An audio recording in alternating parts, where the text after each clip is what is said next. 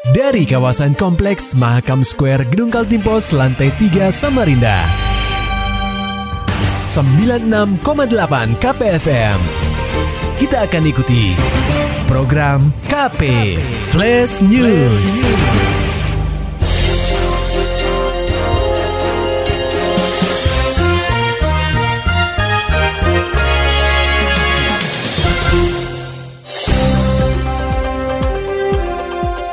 Anda sedang menyimak program KP Flash News bersama saya Agung Pratama.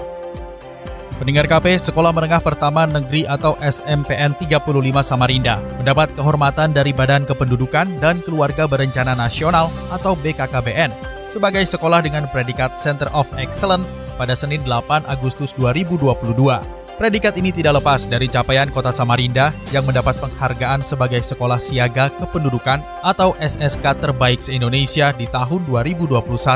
Lantaran SMPN 35 Samarinda terbilang aktif menjalankan program SSK, maka sekolah itu terpilih oleh BKKBN sebagai Center of Excellence pertama di Indonesia. Penetapan ini dihadiri langsung oleh Direktur Kerjasama Pendidikan Kependudukan BKKBN RI Edi Setiawan dan Wakil Wali Kota Samarinda Rusmadi, serta Kepala Dinas Kependudukan dan Keluarga Berencana atau DPPKB Samarinda, Igusti Ayu Sulistiani. Wanita yang akrab disapa Ayu ini mengatakan, ini sebuah kehormatan buat SMPN 35 khususnya Samarinda pada umumnya yang bisa meraih predikat ini. Tentu pihaknya tidak boleh cepat puas, karena Ayu mengharapkan SMPN 35 Samarinda bisa menjadi influencer bagi sekolah lainnya di Samarinda supaya makin banyak lagi sekolah yang mendapat predikat seperti itu.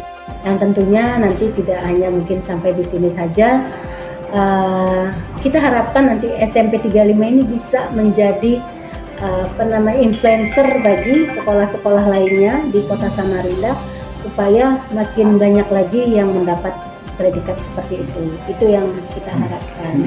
Dalam kesempatan yang sama, Ayu memaparkan inovasi terbaru DPPKB Samarinda yakni Samarinda Sekolah Siaga Kependudukan Peduli Stunting atau 3 SK Penting, yang mendapatkan sambutan hangat dari Direktur Kerjasama Pendidikan Kependudukan BKKBN RI Edi Setiawan dan Wakil Wali Kota Samarinda Rusmadi. Itu inovasi dari kita untuk Kota Samarinda, sehingga kemarin uh, mumpung ada Pak Direktur datang, ada juga Pak Wali, Wakil Wali Kota datang, kita meminta atau mengharap dukungan dari beliau hmm. untuk suksesnya inovasi yang kita cetuskan ini. Hmm. Tapi Pak Deputi dan Pak Wali sangat mendukung sekali. Sangat ya. mendukung sekali, apalagi Pak uh, Direktur ya sangat antusias sekali hmm. beliau. Beliau tuh kalau sudah yang namanya inovasi-inovasi seperti itu didukung sekali. Lebih lanjut, Ayu berharap dengan masifnya program SSK ke sekolah dapat menurunkan angka stunting di Samarinda sesuai target dari pemerintah pusat nantinya. Beralih ke berita selanjutnya, pendengar KP, Bukit Pinang rawan kecelakaan. Polisi bikin pos pemantauan. Laporan selengkapnya akan disampaikan reporter KPFM Samarinda, Muhammad Nur Fajar. Ruas jalan yang berada di Kelurahan Bukit Pinang, Samarinda Ulu, menjadi jalur yang sangat rawan terjadinya kecelakaan lalu lintas. Bahkan beberapa hari yang lalu, pada Sabtu 30 Juli 2022, seorang pengendara motor harus merenggang nyawa akibat menabrak truk yang sedang mengantri bahan bakar minyak atau BBM di SPBU Bukit Pinang. Menurut Kapolresta Samarinda, Kombes Pol Arif Adli, melalui Kasat Lantas, Kompol Kreato Soni Tehegulo, berkaca dari dua bulan ke belakang, banyak sekali insiden kecelakaan yang terjadi di jalan yang menghubungkan Samarinda dan Tenggarong, Kutai Kartanegara atau Kukar ini. Analisa ini membuat pihaknya membuat pos pemantauan sementara di dekat SPBU Bukit Pinang. Pos ini sendiri akan ditempati oleh anggota kepolisian mulai dari pukul 15.00 sampai 19.00 waktu Indonesia Tengah. Gulo menyatakan jam tersebut memang dianggap rawan karena banyak masyarakat yang baru saja pulang kerja melintas di kawasan itu dengan kecepatan tinggi. Itu kan uh, tempat area tersebut kan termasuk daerah rawan laka kan udah beberapa kali kecelakaan. Iya betul. Dan itu cenderung waktu sore hari jam pulang kerja. Ya, itu mungkin kan dari hasil evaluasi dan pertama banyak orang melaju dengan kecepatan tinggi, tapi dalam kondisi capek kan harus kerja kan, jadi dia tidak fokus dalam berkendara dan berusaha untuk apa cepat sampai ke rumah. Karena kawan itu akhirnya kita membuat pos pantau sementara di sana, uh, yang akan ditempati oleh anggota dari jam 3 sore sampai dengan jam 7 malam. Memang pos pemantauan ini hanya bersifat sementara dan sebagai gebrakan untuk mencegah tingginya angka kecelakaan lalu lintas di kawasan tersebut. Akan tetapi, Gulo akan membawa permasalahan ini dalam forum lalu lintas supaya dapat ditindaklanjuti oleh instansi yang menangani perihal jalan. KPFM Samarinda, Muhammad Nur Fajar melaporkan. Pendengar KP soal Pertamini dan bensin eceran, Wali Kota Samarinda Andi Harun akan surati pemilik.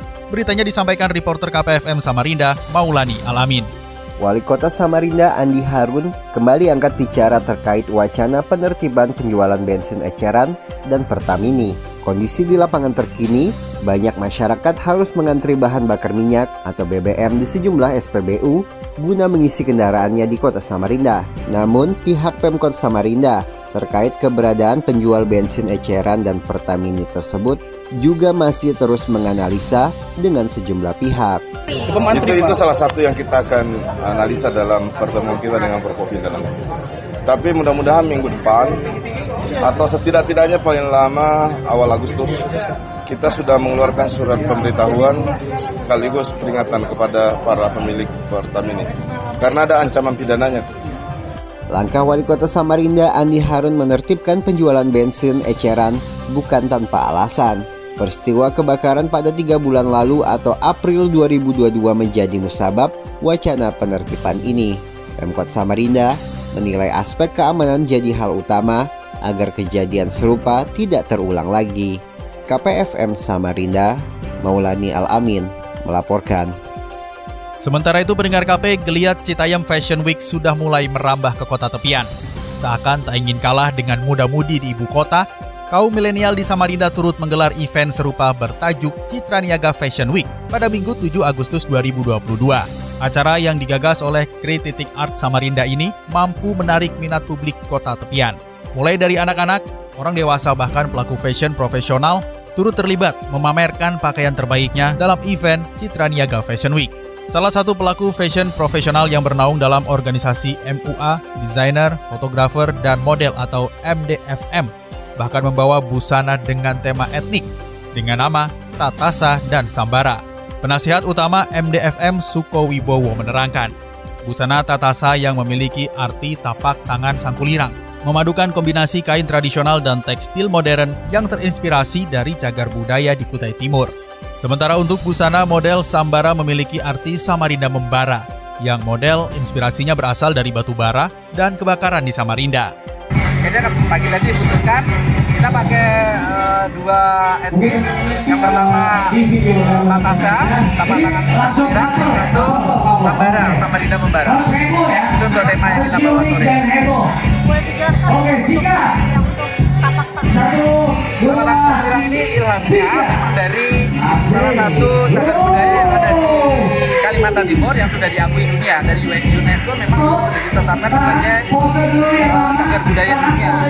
Kebetulan ini kalau kita lihat ada ada kombinasi antara produk tradisional, wastra tradisional yaitu comok seperti kulit kayu ini. Dan ini memang kulit kayu. Kemudian kita modifikasikan modern, tekstil modern. Baik itu maupun toyobo dan dan kain yang lain.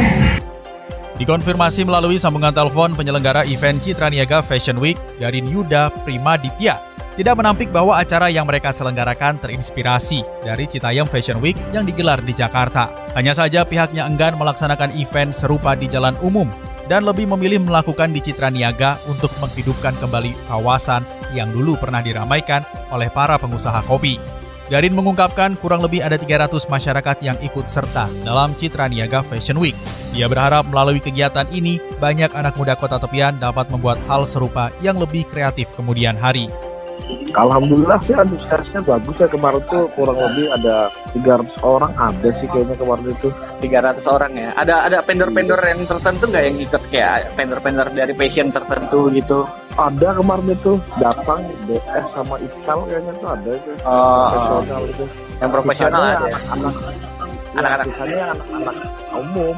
Oh anak-anak umum ya. Nongkrong iya Terbilang sukses, Garin mengkonfirmasi bahwa Kritik Art Samarinda akan kembali melakukan kegiatan serupa di kemudian hari dengan mengusung konsep yang berbeda.